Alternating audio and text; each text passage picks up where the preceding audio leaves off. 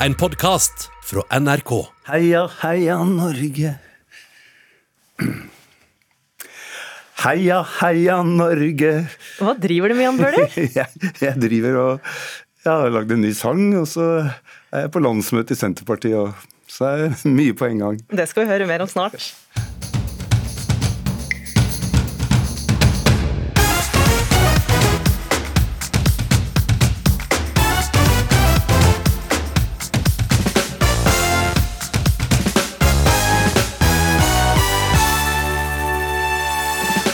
Nå må jeg bli kjent med broren min på ny, sier Trond. Denne uka slapp Viggo Kristiansen ut etter 21 år i fengsel. Ukeslutt ble med Ingrid Bergo på innsida av et karantenehotell. Eh, ingen har kommet ennå for å teste oss. Så nå gir jeg det et par timer til. Og hvis ikke noen kommer da, så vurderer jeg faktisk om jeg bare skal reise. Og han stakk hånda inn mellom beina mine, tok meg på puppene og stønna tungt. KrF-nestleder Olaug Bollestad ble trakassert av misjonsleder. Nå ber hun om et metoo-oppgjør i kristne miljøer. Ja, det er noen av sakene Ukeslutt har å by på denne lørdagen. Jeg heter Gry Veiby. Ja, nå kjøres eh, Viggo Kristiansen ut fra Ila fengsel av faren sin. Han ble vinket til av en rekke innsatte som hang ut av, av vinduene sine på cellene og, og, klappet og jublet. Nå ser vi de kjører av gårde. Viggo Kristiansen og faren. Etter eh, nesten 21 år i fengsel er han eh, nå fri. Ja, etter 21 år i fengsel er altså Viggo Kristiansen løslatt. Tirsdag kveld ble han henta av faren, og etter noen timer i bil kom de hjem til Kristiansand. Viggo Kristiansen har hele tida hevda sin uskyld i drapene på Lena Sløgedal Paulsen og Stine Sofie Sørstrøden. Og nå starter livet utenfor murene. og Trond Kristiansen, da du var i ukeslutt i februar, hadde gjenopptakelseskommisjonens flertall landa på at drapssaken kunne gjenopptas, og du håpa broren din ville løslates. Det tok tid, men denne uka så skjedde altså det. Hvordan fikk du vite at han nå skulle ut av fengselet? Um, det kom egentlig uh, Jeg får beskjed på telefonen telefon av min far egentlig på mandags eh, formiddag. veldig, veldig, veldig overraskende. Og egentlig bare noen få minutter før resten av Norge fikk lese det i, i VG. Ettersom jeg skjønt på min far, så kom det noen signaler på søndagskveld om at noe var på gang og at det var planlagt en pressemelding utover mandags ettermiddag. Men de var opptatt av at både Viggo skulle få beskjed, og at Ida skulle ha beskjed før, før, før vi rundt oss og resten av Norge fikk beskjed. Så jeg fikk en liten sånn en, en, en heads up av min far på, på mandags formiddag. Og så ble det jo da ja, sluppet i VG egentlig nokså kjapt etterpå. Det er også noe tidligere enn det vi kanskje hadde eh, trodd. da.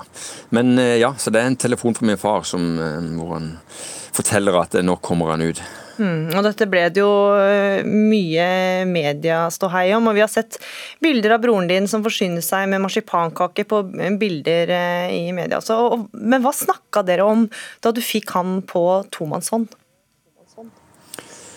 når jeg fikk han på tomannshånd Jeg har vel strengt tatt ikke fått han på tomannshånd enda, eh, sånn helt alene. For det har vært mye folk eh, rundt oss de gangene jeg har truffet han. Men har først en, en fin samtale i bilen når, når, han og pappa er et godt stykke fra Ila.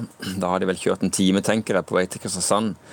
Så da er det klart at da er stemninga lett, og, og, og, det er muntert. og eh, ser fram til en kjøretur og samtalen de to har. Jeg får fortalt litt om, om om TV-sendingene vi satt og så på sjøl på, på tirsdagskveld der. og, og og De forteller litt om de inntrykkene de hadde av, av, av, det når de kjører ut av Ila. Og Så ser han en, en god time på, på onsdagen, eh, innimellom noe jobb, og, og, sånt der, men da er det òg veldig mye, mye, folk rundt oss. Det er vanskelig å få noen naturlig samtale bare med Viggo. Og Så har vi gode, et par-tre gode timer på, på torsdag formiddag hvor vi får prata mer. Og da er det nokså mye som blir prata om, egentlig. Eh, både litt om de, de, de, praktiske tingene som, som må gjøres. Eh, eh, prate litt om, om framtida og prate litt løst og fast om hva skjer de første dagene her nå etter at den er ute, og hva tenker vi og, og sånt. Um, så sånn umiddelbart når jeg treffer han egentlig, så ikke, får vi ikke så mye mer enn at det er en god klem, mm. og, og, en kan si 'endelig'. Men ellers er det så mye, det er så mye folk rundt oss at det, det er vanskelig å på en måte få noe sånn voldsom tomannshånd-samtale, egentlig. Men det har også gått da 21 år, og du har stifta familie mens broren din har sittet inne. Hva vil du at han skal oppleve nå? Nå skal han få lov å oppleve og få lov å ta del i alt det som vi har som familie fått lov å gjort i 21 år. Og det er faktisk de der helt sånne herre sånne helt som for oss er helt vanlige ting, og som vi gjør på en måte flere ganger i uka. Eh, og, og, eller flere ganger i året. Så for oss er det på en måte det å kunne invitere ham hjem på middag, f.eks. Han har vært på middag hos meg tre ganger i løpet av disse, tre, eh, disse 21 årene. Og det er på julaften de tre siste årene. Det er det han har hatt han hjemme på middag hos meg. Så det å kunne invitere han hjem på middag, det å kunne invitere han med ut på en tur i heia eh, eh, Få være med på eh, når resten av familien drar på elgjakt på høsten, når man drar på, på hytta ute i skjærgården på sommeren. Eh, det er reiser på ski til Østerrike på vinteren. Alle disse, disse vanlige tingene som, som, på en måte man gjør, som ikke Viggo har fått vært en del av. Eh, det er kanskje det jeg gleder meg mest til. Og så er det litt sånn, og bare det for Viggo oppleve, men det for min egen del er det, er jo litt sånn på en måte Jeg må jo bli kjent med min bror på nytt. Eh, eh, når, når, han blir arrestert for 21 år siden, så er jeg 25 år, har stifta familie. Eh, og, og, Viggo er, er, er 21. så man på en måte, disse 21 årene det har skjedd så mye at man må slett bli kjent med hverandre igjen. På, på en måte Kjenne litt på hvilke interesser har vi, og hva kan vi gjøre sammen. og og, og, og det eh, eh, det er på en måte det jeg på en måte gleder meg mest til, og det jeg tror Viggo kommer til å glede seg til. Mm. Ja, for Du sier altså at du må bli kjent med broren din på ny, men hvordan har kontakten vært mens han har uh, sittet inne? Nei, kontakten har på en måte etter forholdene vært veldig bra, vil jeg si. Eh, eh, det, det, er klart at det, det er ikke bare å, å, ta turen til Oslo for å besøke han, ting skal planlegges. Men, men at han har vært inne på fysisk besøk, inne på Ila, eh, to-tre ganger i år i snitt, det har han nok vært. Og så har han gjerne hatt en telefonsamtale med han sånn i snitt 30 hver uke. Han har jo hatt det sånn alltid mellom ja, 15 og 20, oppimot 30 minutters ringetid i, i løpet av ei uke. Som stort sett har gått til mamma og pappa, Eh, og litt sånne andre sånne praktiske telefoner. Og så har jeg liksom fått de, der, de minuttene igjen som har vært den, den uka hvor mamma de har vært inne på besøk hos han. da. Så det har vært sånn, ja, snitt 30 hver uke på telefonen, 10-15 minutter kanskje. Og så har man da fått vært inne på besøk hos han da i, ja, i snitt to-tre ganger i, i året. Uh, så, så, så, kontakten har vært bra. Men det kan liksom ikke sammenlignes med å Man er så på, uh, og man er så mm, Eh, man psyker seg så opp når man skal inn og på en måte være sammen. De timene. At, at, eh, man klarer liksom ikke å bli sånn så på en måte, Det å bli kjent Man har ikke noe valg. Man kan ikke velge å være sammen i, på en gåtur i heia eller være hjemme på en middag. Man sitter inne i det rommet på Ila, og der er man. Så det, Situasjonen rundt oss er så satt. Eh, så det jeg mener med å bli kjent med hverandre på nytt, det er litt mer på en måte det man har lyst til å gjøre sammen. Ikke sant? Ehm, det er jo det som på en måte kommer til å bli den store forskjellen. Mm. Men da broren din eh, våkna i barndomshjemmet onsdag, var det til et eh, kontaktforbud mot etterlatte, og ordføreren i Kristiansand har bedt folk besinne seg. Mange mener mye nå. Hvorfor vil han bli i Kristiansand når stemninga er så amper? Ja, jeg, jeg, kan si det at Vi kjenner oss ikke igjen på noe som helst måte i at stemninga skal være amper. Ehm, eh, for det har ikke vi, og det opplever ikke vi. Eh, eh, jeg føler ikke presten har lagt opp til det, og, og iallfall ute blant folk heller, så opplever vi, vi ikke det. I motsetning så opplever vi egentlig det helt det motsatte. Vi opplever at, at kristiansanderne er, er, klare for å, å ta imot Viggo. Og, og sånn sjøl så, så, opplever hun jo bare, bare en helt sånn enorm støtte Ehm, både fra folk en møter på gata, og folk som tar kontakt ja, ved ved sende meldinger og messengermeldinger, som det stort sett mye går på. Så, så vi opplever nok heller mer at, at um, jeg opplever ikke at stemninga er amper, mer at kristiansanderne på en måte er klare for å ta imot Viggo og gi Viggo en, en sjanse. Så, så, så vi er, vi er, ikke redd for at dette skal bli noe, noe, noe utfordring. Vi tror Kristiansand er klare for å oppleve at Kristiansand er klare for å ønske Viggo vel, og, og velkommen hjem. Det er fortsatt ikke klart uh, om saken vil bli ført for retten i full bredde, eller om påtalemyndigheten legger ned påstand om frifinnelse. Hva håper du skjer? Jeg kan godt si at det er litt todelt der. Så kan jeg si at det, det absolutt beste for alle parter, og det en òg har inntrykk at partene gir inntrykk av, er jo at, at, at man ønsker en ny rettssak. Eh, og folk i Kristiansand ønsker en ny rettssak. Eh, og Det er litt for at man skal få full belysning av alle sidene i saken.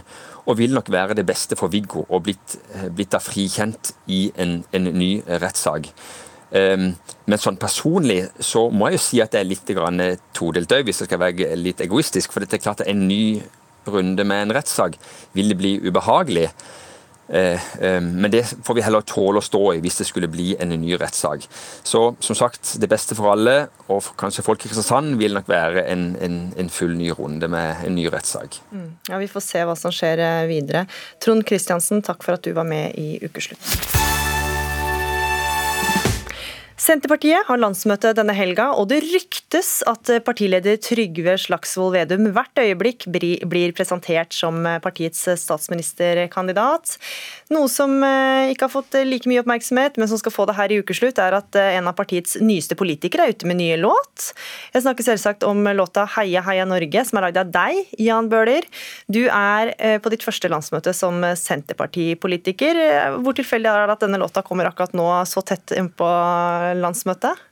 Det er egentlig ganske tilfeldig. Vi begynte å lage den så tidlig som før jul en gang. fordi at eh, det var egentlig ut fra koronaen og hvordan folk eh, i Norge takler det og greier det. Selv om det er mye som er tøft og vanskelig, så hadde vi lyst på å liksom bidra litt til godfølelse òg, da. Stemning og heie på Norge. Og mente at vi fortjener en, en sånn eh, jublende sang, egentlig, for at vi greier dette her, da. Og det, det mener jeg virkelig, altså, fordi det, er, det har kosta folk litt. Ja, for Tidligere så har du lagd låter om trening, Groruddalen, mødre og eh, sommerbilder. Men dette her er altså om korona, hvordan Norge har klart seg? Ja, det er i hvert fall om de eh, verdiene og de, det fellesskapet vi har. og Personer som har bidratt mye til, det, til de tingene vi står for, da, som jeg eh, trekker fram. Prøve mm. å liksom, få litt sånn fram den godfølelsen oppi det som har vært eh, vanskelig på mange måter. Da. Vi skal snart høre litt fra låta, men først så Mange kjenner jo deg som eh, arbeiderpartipolitiker, eh, men dette er altså ditt første landsstyremøte som politiker for Senterpartiet. Og så har du sitert på at dette partibyttet har gitt deg en ny vår. Hvordan da?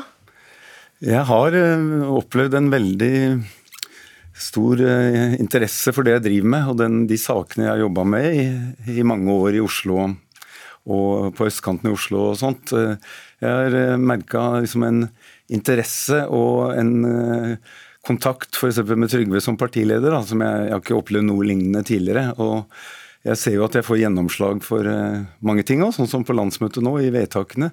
Så ja, jeg er jeg blir, Og så er det mange sånne i Senterpartiet. Det er liksom sånne joviale, jordnære, trivelige folk, da. Så jeg, jeg må si at jeg føler meg veldig hjemme i miljøet. Ja. Vi skal høre litt fra låta di, vi nå, Jan Bøhler. Heia, heia Norge, altså. Heia, heia Norge, alle stiller opp. Heia, heia Norge, her er det smittestopp. Heia, heia Norge, Mohammed eller Per.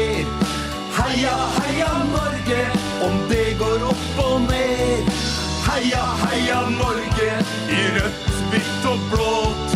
Heia, heia Norge, så mye mer enn grått. Heia, heia Norge. Der kom eh, teksten på her i studio også. Altså, du sier at dette her handler om korona, hvordan Norge har takla det og sånt, men mange vil jo mene at denne pandemien vi står i, viser at vi er mer enn bare lille Norge. Altså, er det ikke litt feil å da bare heie på oss selv? Jo, men det er jo oss som fellesskap, da. Vi har, vi har faktisk eh, Vi må være eh, også eh, litt stolte av at vi har takla det bedre enn de aller fleste andre land. altså Befolkningen har jo fulgt veldig mye opp de smittevernrådene og de reglene vi har fått å forholde oss til. og Det er jo egentlig ganske imponerende hvordan det har gått her i Norge i forhold til andre steder. Det må vi jo kunne si, da, uten å bli sjåvinistiske. For de som har hørt på teksten her, så nevner du jo flere avdøde norske helter. og Du nevner, altså de fleste du nevner er jo da ikke, de er over 70 år. Er det sånn, kan man få inntrykk av at du sier egentlig også at alt var bedre før? Nei, det er jo Jeg synger jo om, om andre som er i, i gang nå, da. F.eks. Shabana Rehman og Mulla Løfte, som var en ting som jeg tror mange fikk øya opp for. At det er jo, det er jo mange med sterke meninger i det miljøet òg. Så det er jo ikke jeg, jeg, er Jeg lever her og nå, og jeg er jo først og fremst uh, ungdom jeg er opptatt av. Men ungdom trenger også ha denne tråden, altså tradisjonen i Norge. Disse, altså jeg opplever at uh, ungdommer de, de liker Ole Paus, de liker de liker å høre om ting som har vært før. Og no, altså Anne-Cath. Vestlis barnebøker, for eksempel, som jeg også synger om, de går jo, de går jo blant barn og unge ennå. Så det er noe med den varmen, da. Og de tingene, sånn tråden i fellesskapet vårt, som jeg skal ikke være så pretensiøs, men jeg, ønsker, jeg mener å, å, minne litt om det. altså bare eh, Ingvar Ambjørnsen, som jeg også har med, ikke sant. Han, altså hans sine figurer de skaper liksom en sånn godhet for de som er annerledes da, i befolkningen, som jeg syns vi skal ha med oss. Fridtjof Jacobsen, vi har med oss deg også. Du er politisk redaktør i Dagens Næringsliv. Du er også musiker og var vokalist i bandet Glucifer i mange år. Eh, hvordan vil du som politisk redaktør og musiker anmelde denne låta 'Heia heia Norge'? Nei, Jeg vet ikke hvilken hatt jeg skal ha på meg, da, men Du kan velge selv. Jeg kan velge selv. Nei, Hvis jeg skal ta politisk redaktør-hatten først, så, så er det jo ganske Eh, den er som du sier eh, ganske nostalgisk, syns jeg. Mange, jeg husker jo veldig mange av de tingene han refererer til. Både Erik Bye og, og Wirkola, og han hadde jo hørt om, hvert fall, selv om han var slutta før jeg var født i 1969. Og Brå som brakk staven, og en del sånne NRK-minner, kan jeg si, som, eh, som dukker opp. Så jeg tror liksom målgruppen er kanskje litt, uh, ikke gamle, men i hvert fall modne mennesker, da, som, uh, som vil kjenne seg igjen av mye av dette. Og Mullaløftet begynner, begynner å bli noen år siden, det òg, faktisk. Uh, selv om vi husker det godt. musikalsk ja, Det er ikke sånn musikk jeg har drevet med, det kan jeg si. Den er ganske, den er ganske soft eh, og litt sånn eh, ganske enkel låt. Eh, jeg så på videoen, den syns jeg var fascinerende. og da, da, tenkte jeg at Jan Bøhler har jo nå kommet til et parti Han har gått for et parti hvor de var veldig glad i å synge, nemlig Arbeiderpartiet, og det har han vel tatt med seg. Og så har han kommet til nå til et parti hvor de er veldig glad i å danse. Og, og noen er glad i å drikke også, men, men spesielt danse. Men på den dansinga der har han litt igjen før han er på nivå med det nye partifellet øve litt. Men, men, hører du noen musikalsk stilendring Fridtjof Jacobsen, etter at man meldte overgang til Senterpartiet?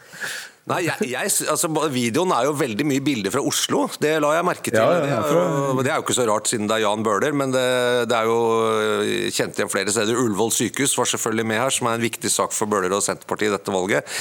Furuset var med? Furuset var også med, så det er veldig mye Oslo-bilder. Men, øh, men, der er det vel en del i Senterpartiet som kanskje trenger litt voksenopplæring fra Bøhler for å skjønne mm. hvordan det ser ut i Oslo. uh, musikalsk ja, Det er jo ikke noe fele her, eller det er ikke noe innslag av sånn reinlender og pols og, og, sånne ting som de er eh, glad i i Senterpartiet. Så, så den er nok eh, ja, det, det, er ikke lyden av Senterpartiet, dette her, men den eh, føyer seg vel inn i Bøhlers musikalske univers på en sånn ganske grei måte. Men vinner Senterpartiet velgere på dette her, da? Fridtjof Jacobsen?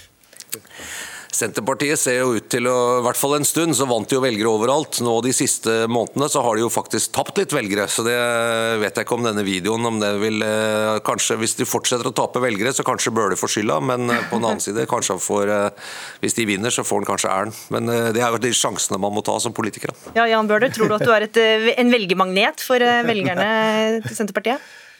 Altså, jeg er opptatt av å få at vi skal få bedre fotfeste i byene enn det Senterpartiet har hatt. Og jeg eh, tror at eh, i og med at jeg oppfattes som en, et ombud på østkanten i Oslo og har jobba med saker her i mange år, da, så kan det hende det gjør at si, identifiseringa med, med, Senterpartiet, at vi faktisk har noe å gjøre i byene òg, at den delen kan bli, bli styrka. Da. Så, så For det er byene som er det store Det er der Senterpartiet ikke har hevda seg til nå, da, i forhold til de andre partiene. Og så er det klart at hvis det fører til at, vi også, at folk begynner å tenke at er et aktuelt parti begynner, kan det, kan det bety en forskjell framover. Men men Valgskred til Senterpartiet på Furuset, kanskje? Hva sa du? Valgskred til Senterpartiet på Furuset? Ja, ja, vi får se på hvordan det, hvordan det går. Men eh, jeg, jeg opplever i hvert fall at folk hilser og heier og er hyggelige. Da. Og, og det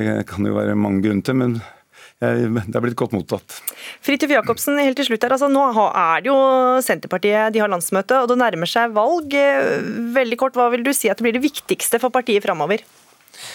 Det viktigste for partiet framover tror jeg, det er å klare å stå imot det presset som nå vil komme fra andre partier. Eh, spesielt fra Høyre og Frp, eh, som har tapt en del velgere til dem. De vil jo selvfølgelig jobbe beinhardt for å få det tilbake.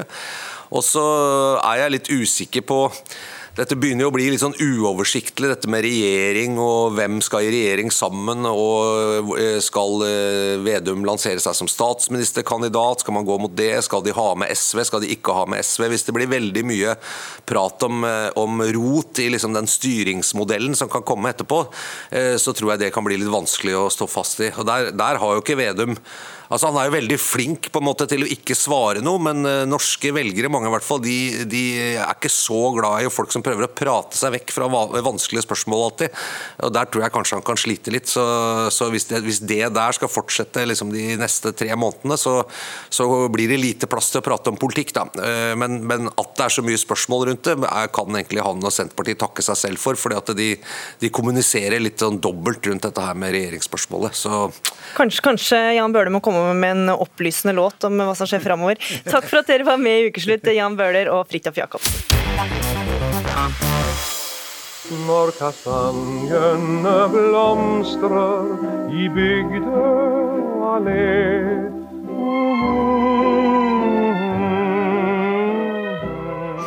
Ja, når kastanjene blomstrer, kan det være fristende å brekke av ei lita grein og ta den med deg hjem for å pynte opp stua. Ja, For ikke å snakke om de vakre syrinbuskene. Men er det egentlig greit? Hva sier du, Kjersti Bergesen, du er programleder i programmet Tid for hage på TV 2. Nei, det er ikke greit. men, men du også har vel vært frista? Selvfølgelig. Du går forbi, og det bugner, og det dufter, og helt fantastisk. Men å stjele planter? Nei, nei, nei. Nei, nei, nei. Hva sier du, Kristin Helene Randulf Nilsen? Du er profesjonell sanker av planter fra både hage og vill natur, og forfatter av boka 'Håndplukk'. Er det greit? Jeg syns absolutt ja. En liten kvist i ny og ne, veldig bra. Ja, for Denne uka så kunne vi lese hjertesukk fra flere hageeiere i en hagegruppe på internett. De ba folk rett og slett slutte å stjele stiklinger fra hagene deres. Noen fortalte at eh, folk hadde spada opp hagen deres på natta og stjålet med seg busker. Andre fortalte om at de hadde hørt at en grein ble knukket av på trær. Og Kjersti Bergesen, eh, du ble helt paff du da du hørte om disse frekke plantetyvene. Er du aldeles forferdelig? Sånn kan man jo ikke gjøre. En ting er at det er tyveri, men altså, vet man hva man gjør med plantene? Det kan jo ha vært sjeldne ting. Kanskje du ikke vet du, hvordan du skal stelle tingene etterpå. Nei, fy, fy, fy, fy. men, men, la oss legge det til side, for det å spa opp hagen på natta, det er kanskje ikke greit. Men det der med å snike til seg en liten stikling eller en liten blomst uh, uten å spørre om lov, hvorfor er det så gærent, uh, Bergesen? Nei, altså, det er jo så mye enklere å spørre. For hvis du spør, så kan det hende du går hjem igjen med dobbelt så mye som det du hadde tenkt. For hvis du viser interesse for noen om at 'å, så nydelig det er', 'å, så fint den dufter', og hva er det for noen ting Hageeiere er glad i å snakke om hage, og de deler ofte raust med andre som er interessert. Mm. Kristin Helene Randulf Nilsen, forfatter altså av boka 'Håndplukk'. Det der med at vi bør ta med oss en syrinkvast, og du oppfordrer til og med at vi skal gå på slang. Hvorfor det? Nei, nå er det jo sånn at Jeg skal aldri stille meg bak det å grave opp noe og ødelegge noe, men det å snike seg inn usett, eh, være nennsom, ta noe uten at noen merker det, det er en litt spennende lek. Ja, for det, dette har du erfaring med, Nilsen? ja, ja, jeg skal ikke si hvor jeg har uh, agert, men, uh, men, jeg kan ikke nekte for at jeg en og annen gang har stjålet en pære eller tatt med en blomst, men dermed ikke ødelagt noe. Så det er absolutt viktig å vite hva man gjør, men å være litt sånn geriljaplukker eller ninjaplukker, det syns jeg er litt gøy. Ja, for du kaller deg rett og slett en ninja, og ingen skal merke at du har vært der. Hvordan går du fram da? Nei, En må jo i hvert fall sjekke at eh, liksom, forholdene ligger til rette. Kanskje lys, eh, at du skjules bak noe, at du er litt rask eller litt smidig. Og at du vet akkurat hva du skal ta, for det er da det er fort gjort. Og så ødelegger du minst mulig. Og da er det ikke sikkert noen oppdager det. Og så kan du kanskje, da, hvis du blir så glad for dette her, sånn som Kjersti sier, gå tilbake og spørre du, jeg ble veldig nysgjerrig. Eh, så kanskje en får et varig plukkevennskap til slutt. Og heller be om tillatelse på etterkant. Eh, Kjersti Bergesen, ja, eller, ja. Ja, hadde du merka det, tror du? Hvis det var en ninja som eh, Kristin her som hadde kommet inn i hagen din og stjålet noen blomster? Altså, det var en veldig veldig dyktig ninja eh, som eh, faktisk hadde greie på ting, eh, så eh, jeg har jo ekstremt mye, så dette, jeg ville kanskje ikke oppdaget det.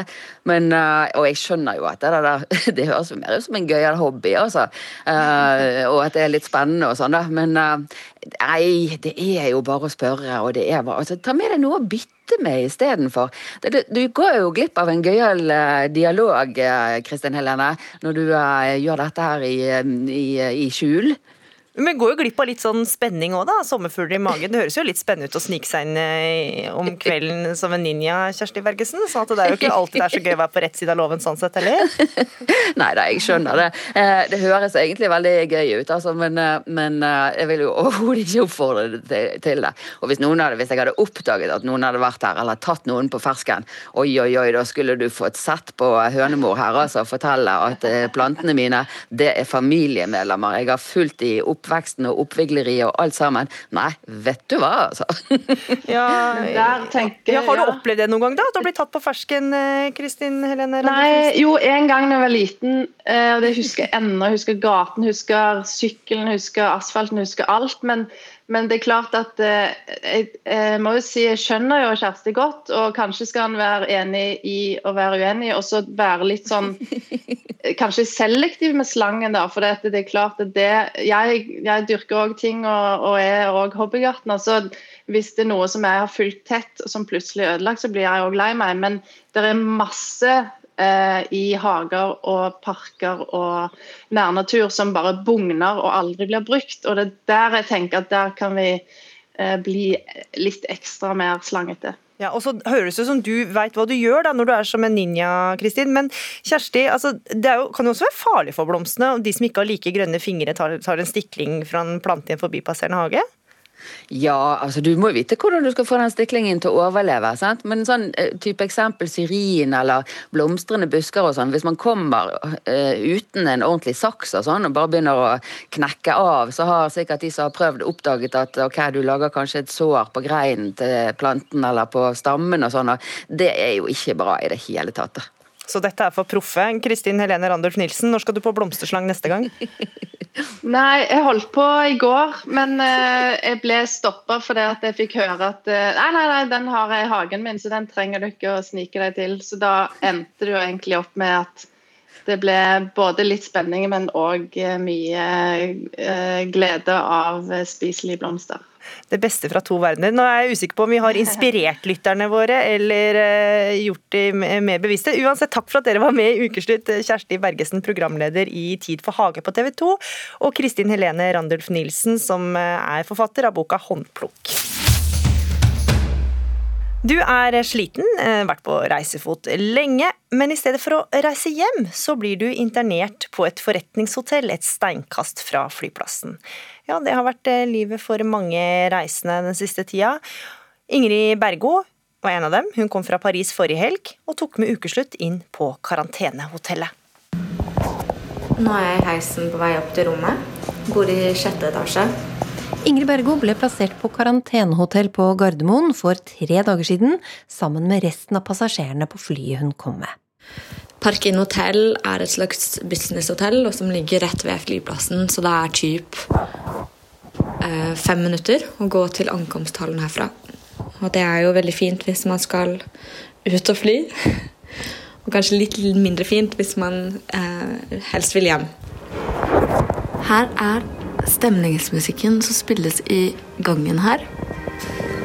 Bergo er journalist i Paris og skal hjem noen måneder i sommer. Hun har sagt ja til å rapportere fra innsida av karantenehotellet for oss. Det er snart lunsjtid, så jeg får snart maten min servert på døra. Dagens høydepunkt. Tre høydepunkter. Frokost, lunsj og middag. Selv om maten er ganske dårlig. Jeg skal vise dere hva jeg får etterpå. Eh, oi! Her er det noen som har skrevet lapp til de som leverer lunsjen. Vann uten kullsyre. Uten med store bokstaver. Og så et smilefjes. Tusen takk. Det var jo veldig smart, da. Det hadde jeg ikke tenkt på. Jeg har liksom sittet og ventet. De kommer med måltidene i løpet av et tidsintervall på en time. Da pleier jeg å sitte der sånn at jeg kan spørre om jeg ikke kan bytte vannflasken til eh, en brus. Siden det er dag tre i reisekarantena, så kan Bergo fullføre karantena hjemme hvis hun får en negativ test. Hei, du, jeg lurte på om de testfolkene har kommet ennå? De har ikke kommet ennå, dessverre. Men uh, det blir senest klokka cirka klokka tre.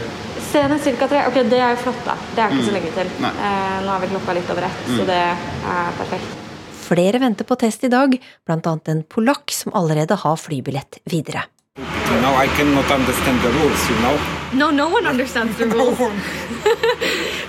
Mens Bergo venter på test, skal vi møte Christian. Han er redd for å stå fram med fullt navn, fordi han nekta å følge ordren om å gå på karantenehotell.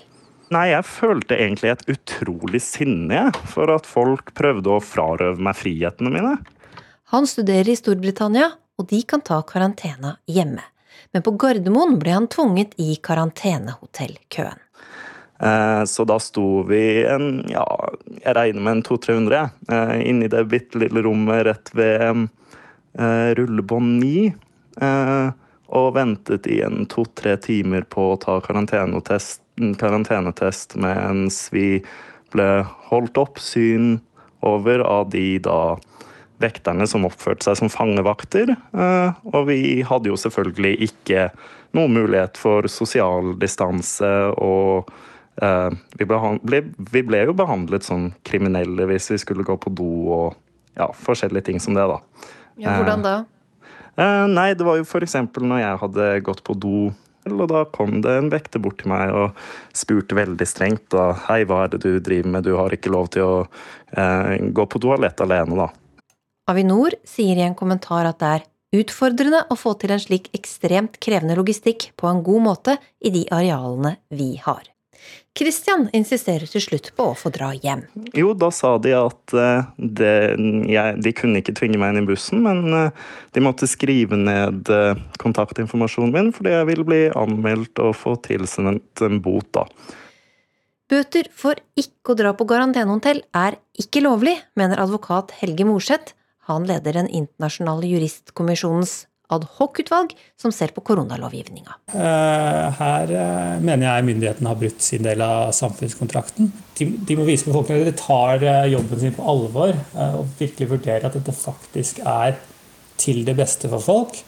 At dette er strengt nødvendig, og at det ikke er noen andre løsninger. Og at dette er et effektivt tiltak. Så lenge de ikke gir noen grunn til at folk skal være på karantenehotell, en god grunn, så mener jeg også at da- plikter ingen å betale den boten, for det er et ulovlig tiltak. Justisminister Monica Mæland, har dere lov til å tvinge folk på karantenehotell? Ja, det mener vi. Vi har, vi har fått en eh, lovhjemmel i Stortinget eh, og har utarbeidet en forskrift, og den er gjort i henhold til smittevernloven. Jeg registrerer at noen er uenige, og det kan man selvsagt være.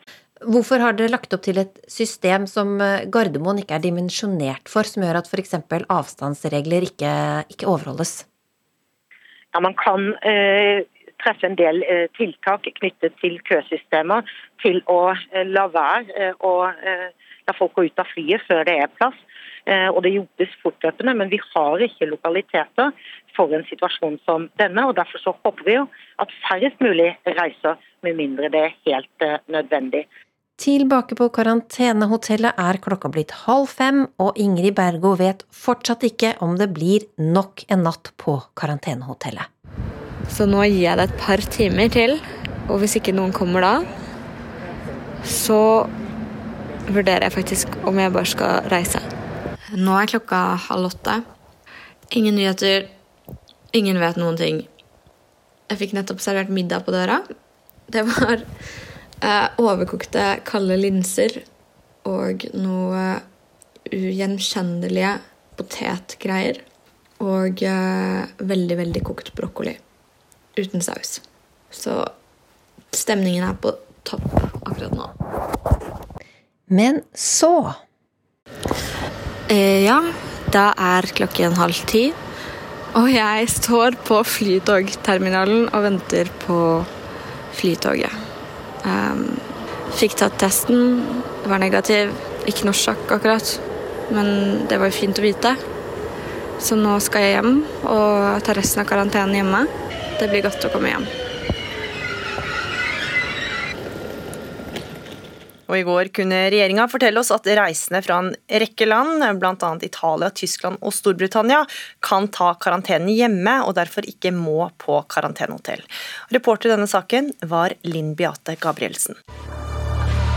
Da jeg var liten, så lærte jeg meg aldri svømme ordentlig. Mye av den frykten sitter fortsatt igjen inni kroppen min, så hvis jeg skal svømme langt jeg blir sliten, så får jeg mer, mer og mer panikk. Og så føler jeg at jeg bare kommer til å svelge vann og drukne. Ja, her hørte du programleder i Newton, Dennis Siva Lie. Det er fra tidligere i år, og som du hører så er ikke Dennis svømmedyktig. Men i kveld er planen hans å svømme 1,3 km ut i Munkholmen utafor eh, Trondheim. Og Dennis, du står på startstedet ditt nå, nemlig Pirbadet i Trondheim. Og fra å ikke være svømmedyktig til å skulle svømme da over 1 km, er ikke det galskap? Jeg vet ikke helt hvor galskap det er. Jeg har trent ganske masse. Jeg føler meg veldig klar. Og nå som jeg sitter her på mm, Pirbadet i Trondheim og ser rett på Munkholmen, så føler jeg egentlig at det er ikke så langt unna. Men så er det jo egentlig veldig langt unna. Og jeg har nesten litt sånn glemt den der frykten jeg hadde. Eh, men så tror jeg det også er veldig takket være at jeg har med meg et redningsselskap. Jeg har med meg, eh, jeg har på meg våtdrakt. Jeg har liksom folk som passer på å sørge for at, ikke, at ikke noe galt skjer. da.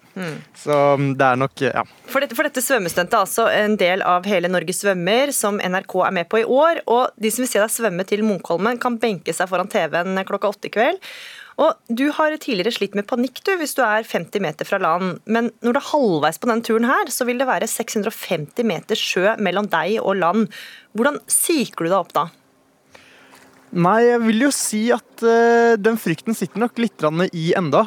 Hvis uh, det, det, som har gått gjennom hodet mitt mange nok ganger, er um, følelsen av å kanskje bli dratt litt under, eller uh, uh, idet jeg skal crawle og puste um, pust, ta, et, eh, ta et åndedrag, så trekker jeg med meg litt vann inn i munnen, og da svelger jeg masse saltvann. og da er det fort gjort at man plutselig får litt panikk. Eh, så det jeg prøver å gjøre, er egentlig bare ta det så rolig som jeg kan ta det, og bare sørge for at jeg gjør det med god teknikk og med eh, kontroll hele veien. At jeg svømmer med kontroll hele veien. Mm. Ja, Du er jo 27 år nå og fortalte tidligere at du ikke var helt svømmedyktig. Hvordan har det seg at du ikke du har lært deg å svømme ordentlig? Det var ingen svømmeopplæring på skolen.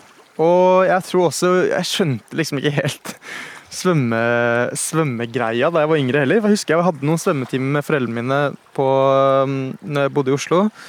Og jeg husker jeg prøvde å sparke beina bak, fikk ikke de til å flyte. Jeg fikk ikke til å flyte sånn generelt, og det får jeg heller enda ikke til. Um, som er litt sånn uh, Det tror jeg veldig mange sliter med.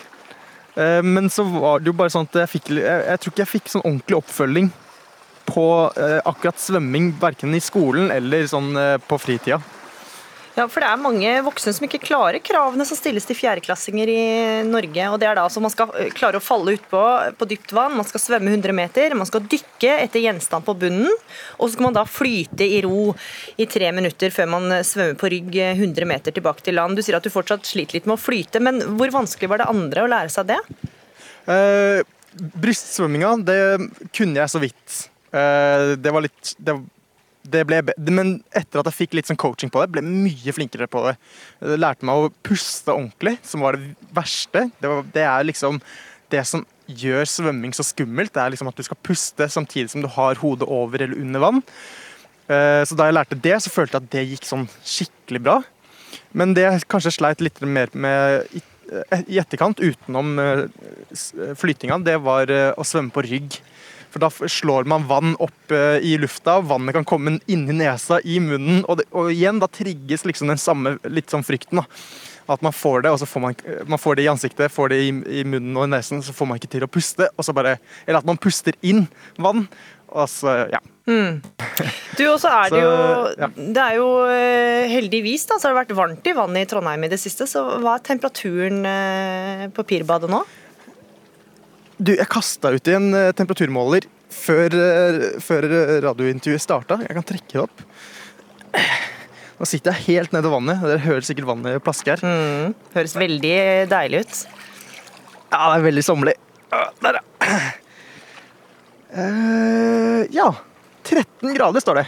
Ja, det, og det må jeg si er ganske varmt. Du, ja, ja det, nei, jeg, jeg tenkte det motsatte. Det men, men uh, uansett, det er veldig bra du er optimist og tenker at det er varmt. Eh, Dennis Sivali, lykke til med å svømme til Munkholmen i kveld. Tusen hjertelig. Nok en koronasommer venter oss, og i fjor var det rekordmange som tok i bruk bilen for å kunne reise rundt på ferie i Norge, som et alternativ til eh, solstrender i varmere strøk.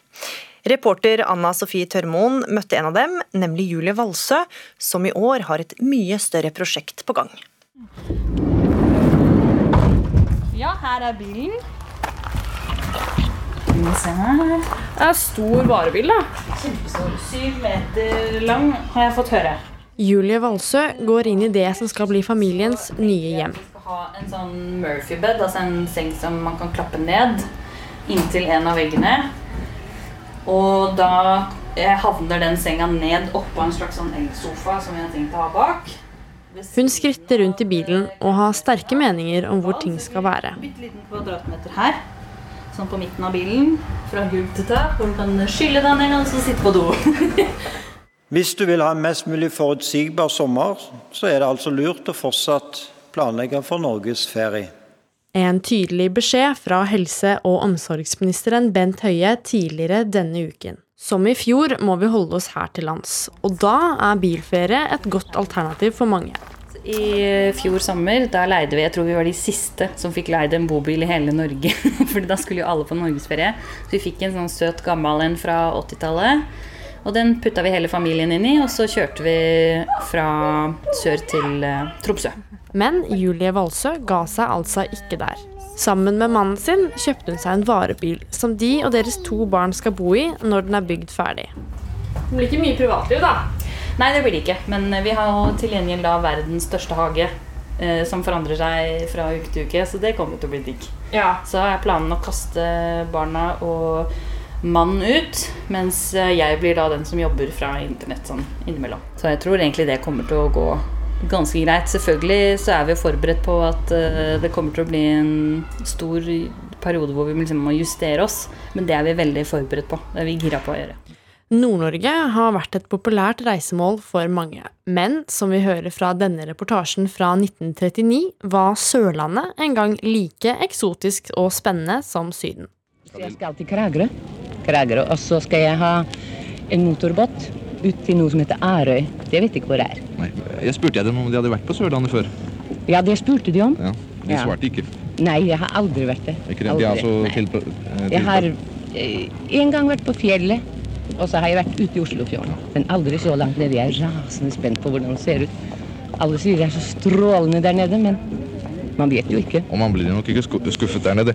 Per Østby er professor ved NTNU og har forsket på bl.a. campingens historie i Norge. Det er helt klart at når, når folk flest, som det heter, eh, fikk egen bil, så kunne flere begynne å dra på den bilturen som noen hadde begynt allerede i mellomkrigstida. Altså. Etter hvert som bil ble mer og mer vanlig i Norge, ga det mange mulighet til å reise mer. Det ble jo for mange uh, den første sydenturen. Hvor skal du sove da, Ville? Du kan ikke hvor du skal sove? Skal du sove der? Hvor er senga di? Tilbake i bilen har datteren til Julie Valsø på to år kommet. Og også hun har sterke meninger om hvordan bobilen skal se ut. Skal du hjelpe meg? Ja. Ok, det blir bra. Hvor skal pappa sove, da? Skal du peke? Der. Der. Hvor? Må se hvor Hvis alt går som planlagt, er bilen klar til avreise neste vår. Men akkurat hvor de skal, vet hun ikke ennå. Vi begynner i Norge, så må vi jo sjekke hvordan det går med verden. Da. Men hvis det går bra med verden om et år, så har vi jo lyst til å flytte oss nedover Europa helst. Eh, spesielt når det begynner å bli kaldere her, så er jo det litt deiligere å være der. og her skal dere bo i ett til to år?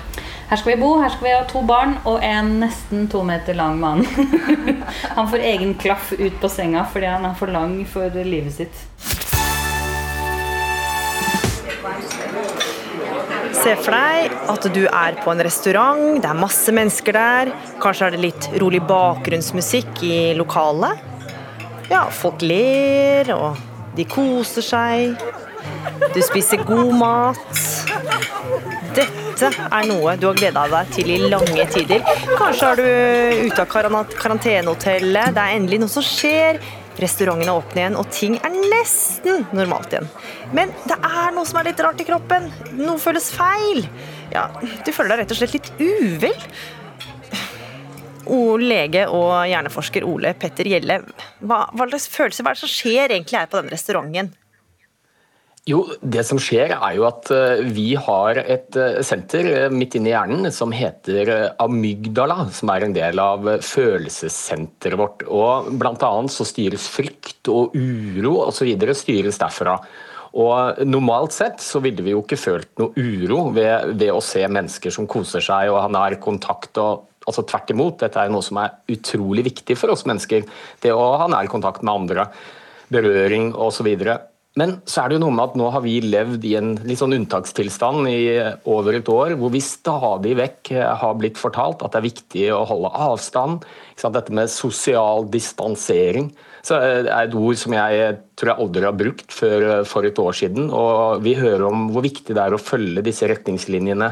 Eller så kan sykehusene fylles opp, vi har ikke nok intensivplasser, og vi leser om overfylte likhus i andre land. Så, så, det som skjer, er rett og slett at det blir en litt sånn omkobling inni dette følelsessenteret vårt. Så de tingene som vi vanligvis oppfatter som bare positivt og udelt bra, de eh, assosieres nå med frykt. Så, så, det som rett og slett skjer, er at hjernen da opplever at noe er litt farlig? Ja, altså Vi har rett og slett over tid nå, iallfall en del av oss, eh, lært at dette med altså Hjernen vår, da, den ubevisste delen, har da knyttet dette med å ha nær kontakt med andre mennesker eh, til å være noe skummelt. Og, og, jeg merker jo det selv. Jeg, jeg satt og så på en uh, Netflix-episode her forleden dag, og så var det en, en scene fra et utested med mange mennesker som klemte hverandre og sto nært og snakket. Og min ryggmargsrespons var sånn Hva er det de holder på med? Jeg vet ikke at dette er skummelt. Og så var jo dette selvfølgelig spilt inn for mange år siden. Før pandemien. Så eh, jeg tenker at hvis du føler litt sånn eh, uro og ubehag når du ser mennesker som eh, holder seg tett sammen og klemmer hverandre, kanskje sånn, så i dag så er du helt normal. For det er jo det har hjernen vår lært seg til å assosiere dette med nærkontakt til å være noe faktisk skummelt. Så dette er jo da følelsene våre, og hjernen assosierer dette. Men kan vi se denne endringa dersom vi skanner hjernen? Ja, altså man, du kan jo se for deg at du for I dag så har vi jo veldig avansert teknologi hvor du kan gjennomlyse hjernen hos levende mennesker og bl.a. se hvilke deler av hjernen som blir aktivert ved forskjellige typer hendelser. Og, og La oss si at du nå skrudde klokken halvannet år tilbake i tid, og så hadde du en person inni en sånn trommel, og så viste du de eh, bilder av mennesker som hadde nærkontakt, store folkemengder. Eh, så ville det sannsynligvis lyst opp i deler av hjernen som styrer glede og dette er positivt. Eh, og så kan du tenke deg at du ville gjort samme eksperiment, kanskje med samme person, i dag. Hvor vi har hatt et år med ikke mulighet til eh, mye nærkontakt, og vi har hørt hvor skummelt det kan være for spredning av virus. Og da er det ikke helt usannsynlig at disse fryktområdene ville lyst opp isteden, når de så akkurat samme bilde. Mm. Men er dette noe som da er varig, eller kan min hjerne etter hvert begynne å oppfatte sosiale settinger som hyggelig og trygt igjen? Nei, Heldigvis så er hjernen vår veldig det vi kaller plastisk da, og formbar, så den vil jo kunne lære på nytt eh, selvfølgelig at dette med sosial kontakt eh, det er ikke bare bra, altså det er ekstremt viktig for oss mennesker. Så, så dette er ikke noe varig. Mm.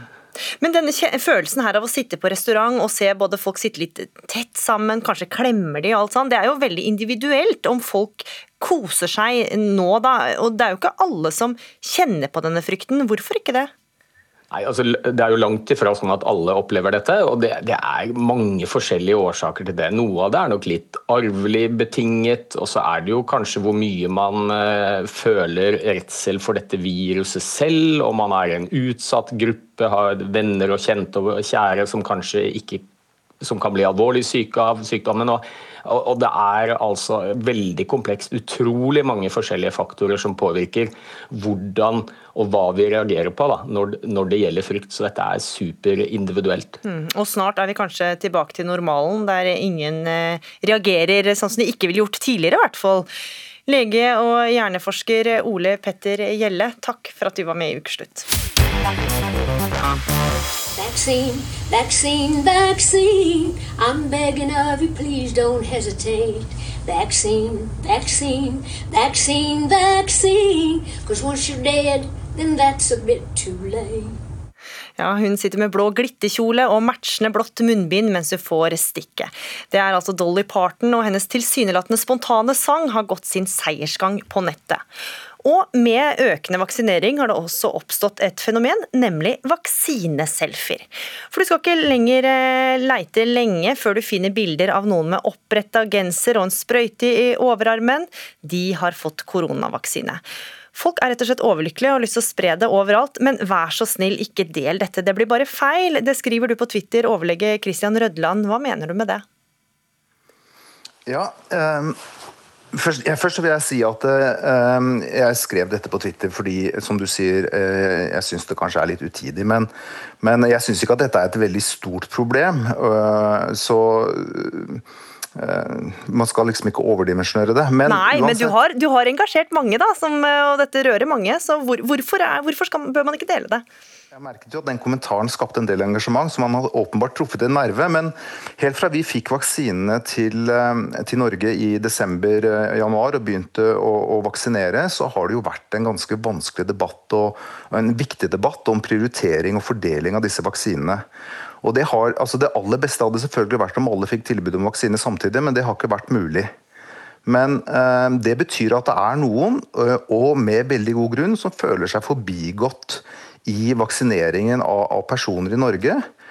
Og jeg er skrudd sammen sånn at jeg tenker at det kanskje er litt dårlig gjort for de som går og venter og gleder seg med rette til å bli vaksinert.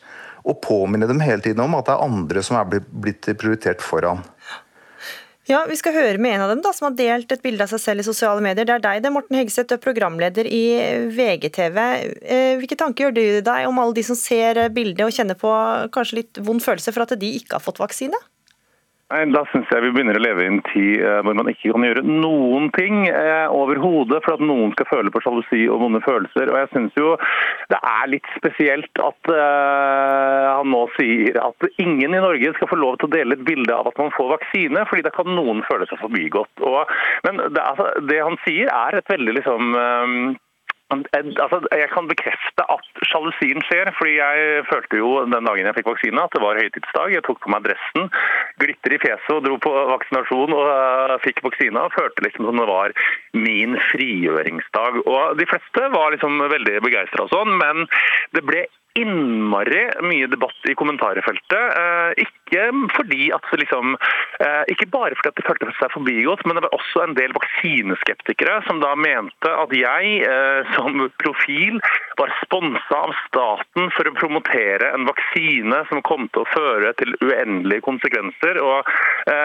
Bare ved den posten så, så jeg jo at det var litt viktig, fordi at vaksinemotstanden i Norge og internasjonalt er ganske stor. og Det at da, noen, altså det at da folk legger ut vaksiner og heier på vaksinasjon, det syns jeg bare er positivt. fordi Eh, man trenger litt motstand mot eh, alle de Kari Jakkessonene og chartersveidene som står på torget i Oslo og brenner munnbindene sine og eh, finner på konspirasjonsteorier. Så jeg tenker jo at det er viktig å dele bilder. Og så syns jeg det er litt sykt at vedkommende mener at man ikke skal dele Ingen i Norge skal få dele et bilde av seg selv som vaksineres, for da kan noen bli sjalu.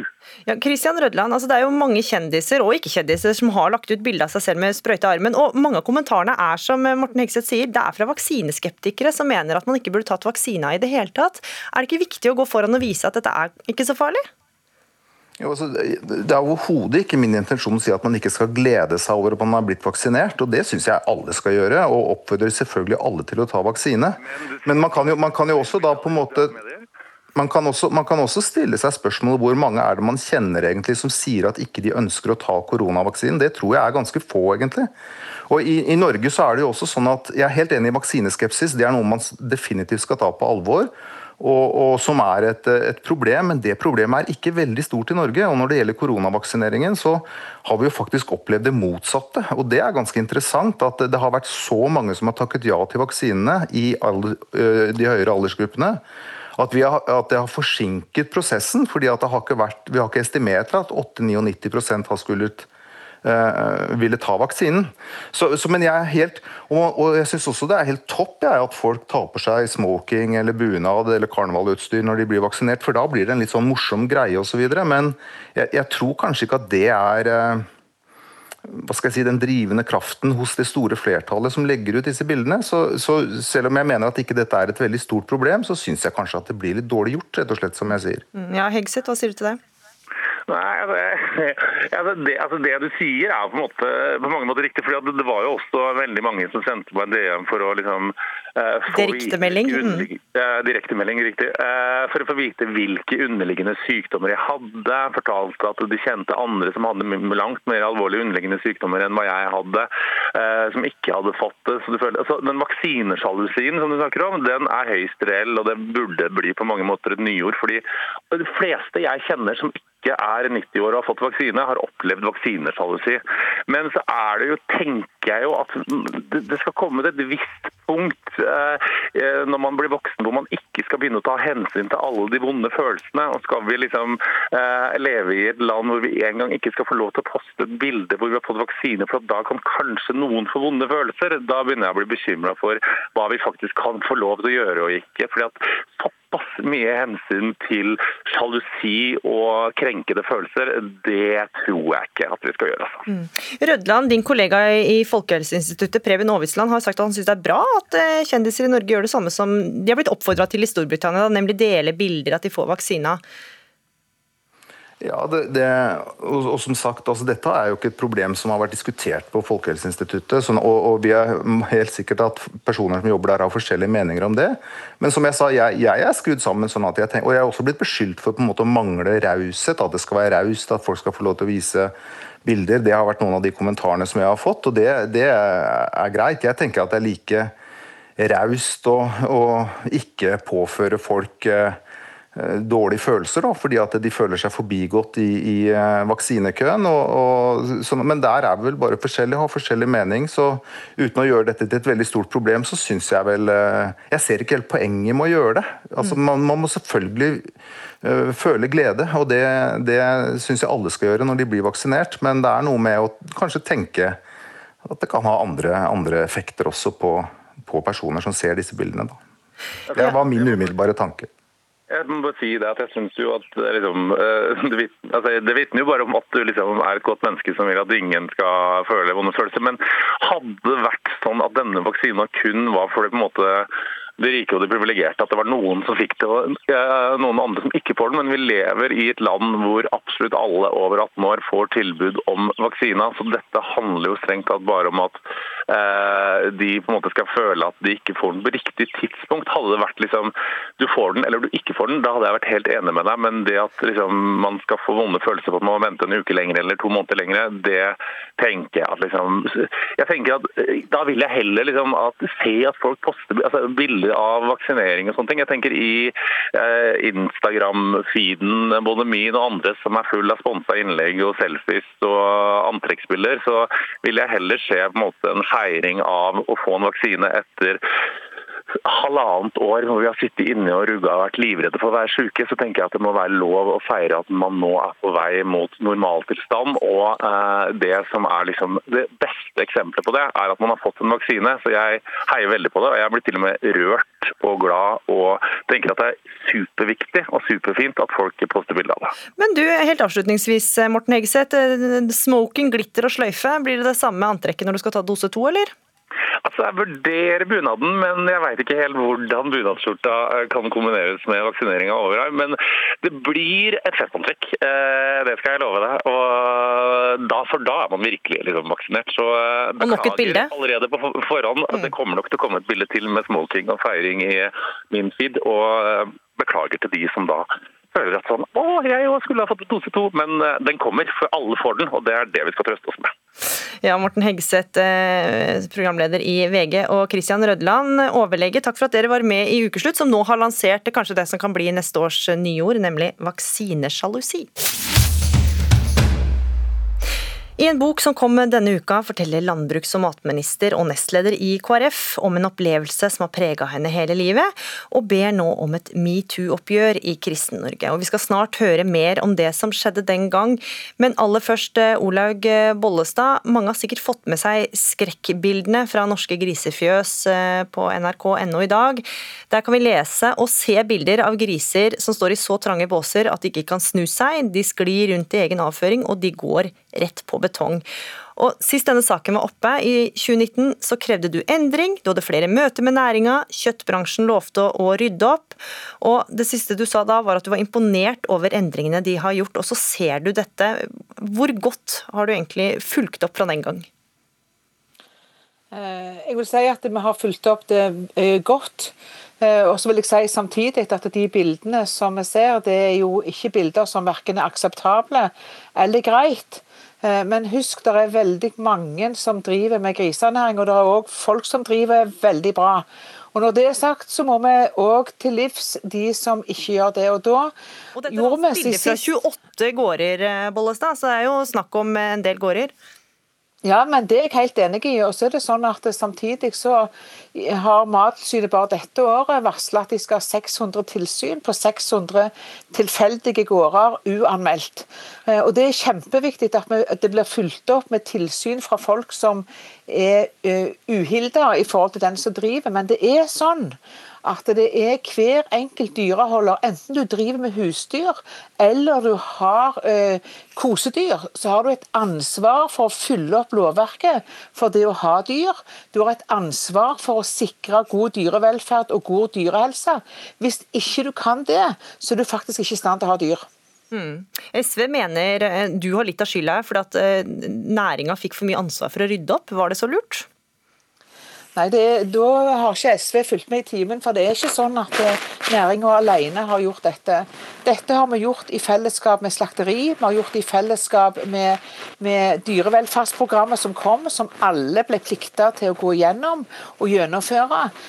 Det handler om i samarbeid med bondelagsorganisasjonene og svinenæringa sjøl. Dette handler jo om helheten i dette.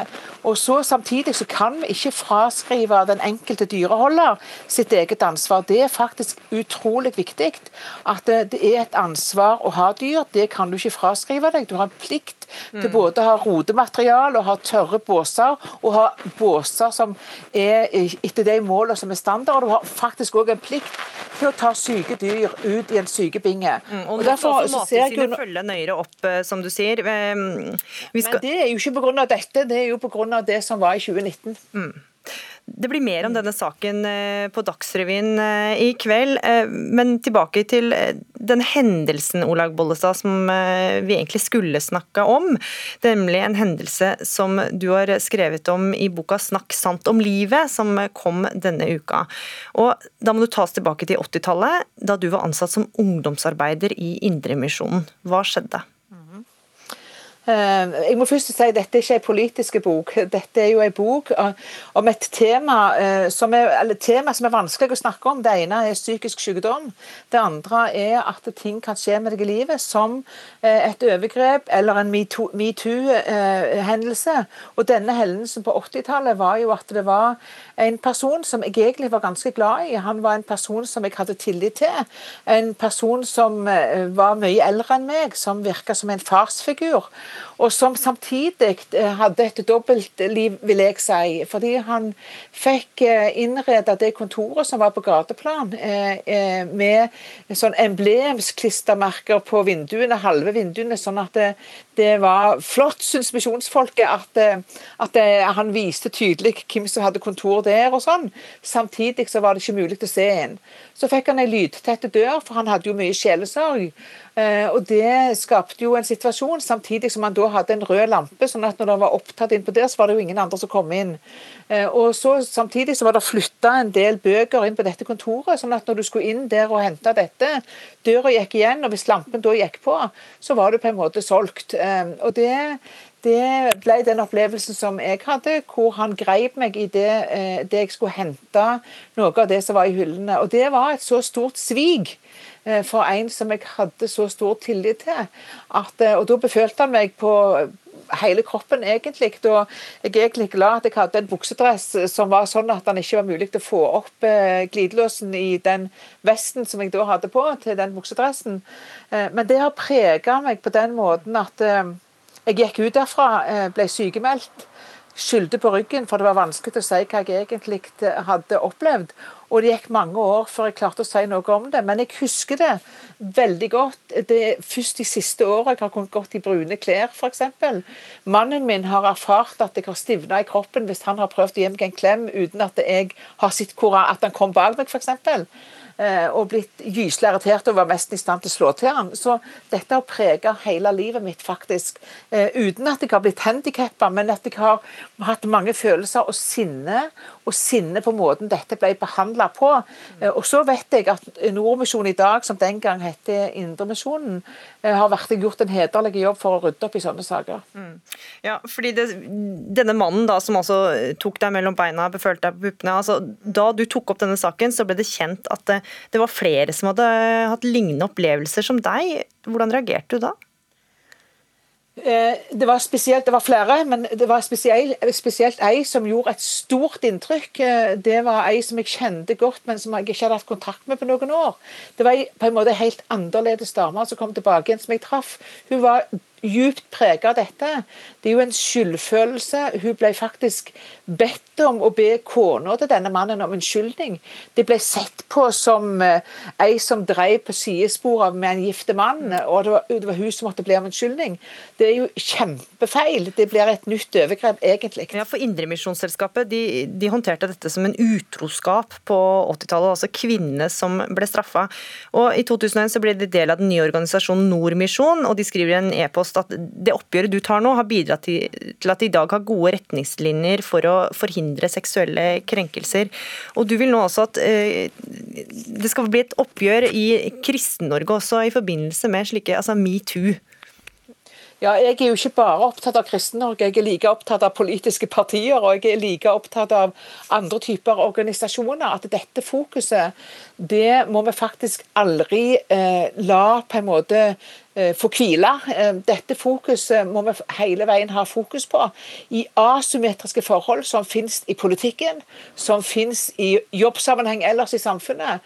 Det er uakseptabelt, og det ødelegger for mange et helt liv. Og nå har jeg sittet og både skrevet signatur i den boka, og jeg har fått noe så ufattelig med mailer og meldinger og Messenger fra brutte folk rundt omkring i det ganske land, fra ulike plasser. Eh, og Det tenker jeg, det forteller meg at Eh, vi må tørre å snakke om det og gi det et ansikt, og at det ikke skal bagatelliseres. Det går folk rundt, gamle folk. Jeg har en meldinger fra folk på mange og 70 år, menn som kvinner, som har fått et ødelagt liv av sånn type handling. Og Derfor er det det som er hovedhensikten min. Det er faktisk at dette kan vi ikke hvile på. Dette må vi hele veien ha fokus på. Og så, som du sier, så tok det deg også mange år å snakke om dette, her, også overfor mannen din. Men da du fortalte hva som hadde skjedd deg, hvordan var det? Nei, altså det er jo sånn at du, eh, eh Nå er jo jeg sykepleier selv, og jeg vet jo at ting sitter i. og Du må på en måte vite at det blir tatt imot når du skal fortelle. Og når jeg fortalte dette til Jan Frode, så bare så han på meg, og så sier han Olaug nå faller alle brikkene på plass. Eh, jeg har liksom sett på deg som ei ekstroverte dame, og jeg gir jo de jeg kan en klem hvis det er greit for de jeg skal gi en klem, men da har jeg de foran meg, og han kunne ikke fatte og begripe at jeg ble så grusomt sint. Jeg har ei kort lunte, men jeg ble grusomt sint når han hadde en god hensikt og kom og ville gi meg en varm klem og hadde liksom en hengivenhet til meg, og så var jeg så avvisende. Og Det var vanskelig for han å skjønne, eh, men når jeg da fortalte, så sa han Olaug, jeg skal gå veien i lag med deg. Og det å ha en ektefelle som virkelig er villig til å gå den veien, og som ble like eh, hva skal jeg si, eitrende sinte på, både på vegne av meg, men òg de andre, og spesielt hun Bjørg, som jeg har beskrevet i boka, eh, som òg har blitt en familievenn hos oss. Det har vært utrolig viktig. fordi at eh, å ha menn som står opp for dette, er òg viktig. Men det kan òg være motsatt. At det er unge menn som opplever dette for kvinner. Så det er ganske viktig å si at det, dette gjelder begge kjønn. Mm. Og nå har du vært med å løfte tematikken her i Ukeslutt. Olaug Bollestad, landbruks- og matminister og nestleder i KrF. Takk for at du var med. Da er ukeslutt ved veis ende. Ansvarlig for sendinga det var Kristine Alstad. Det tekniske ansvaret hadde Marianne Myrhol. Og her i studio Gry Veiby, som takker for følget. Du har hørt en podkast fra NRK. Hør flere podkaster og din favorittkanal i appen NRK Radio.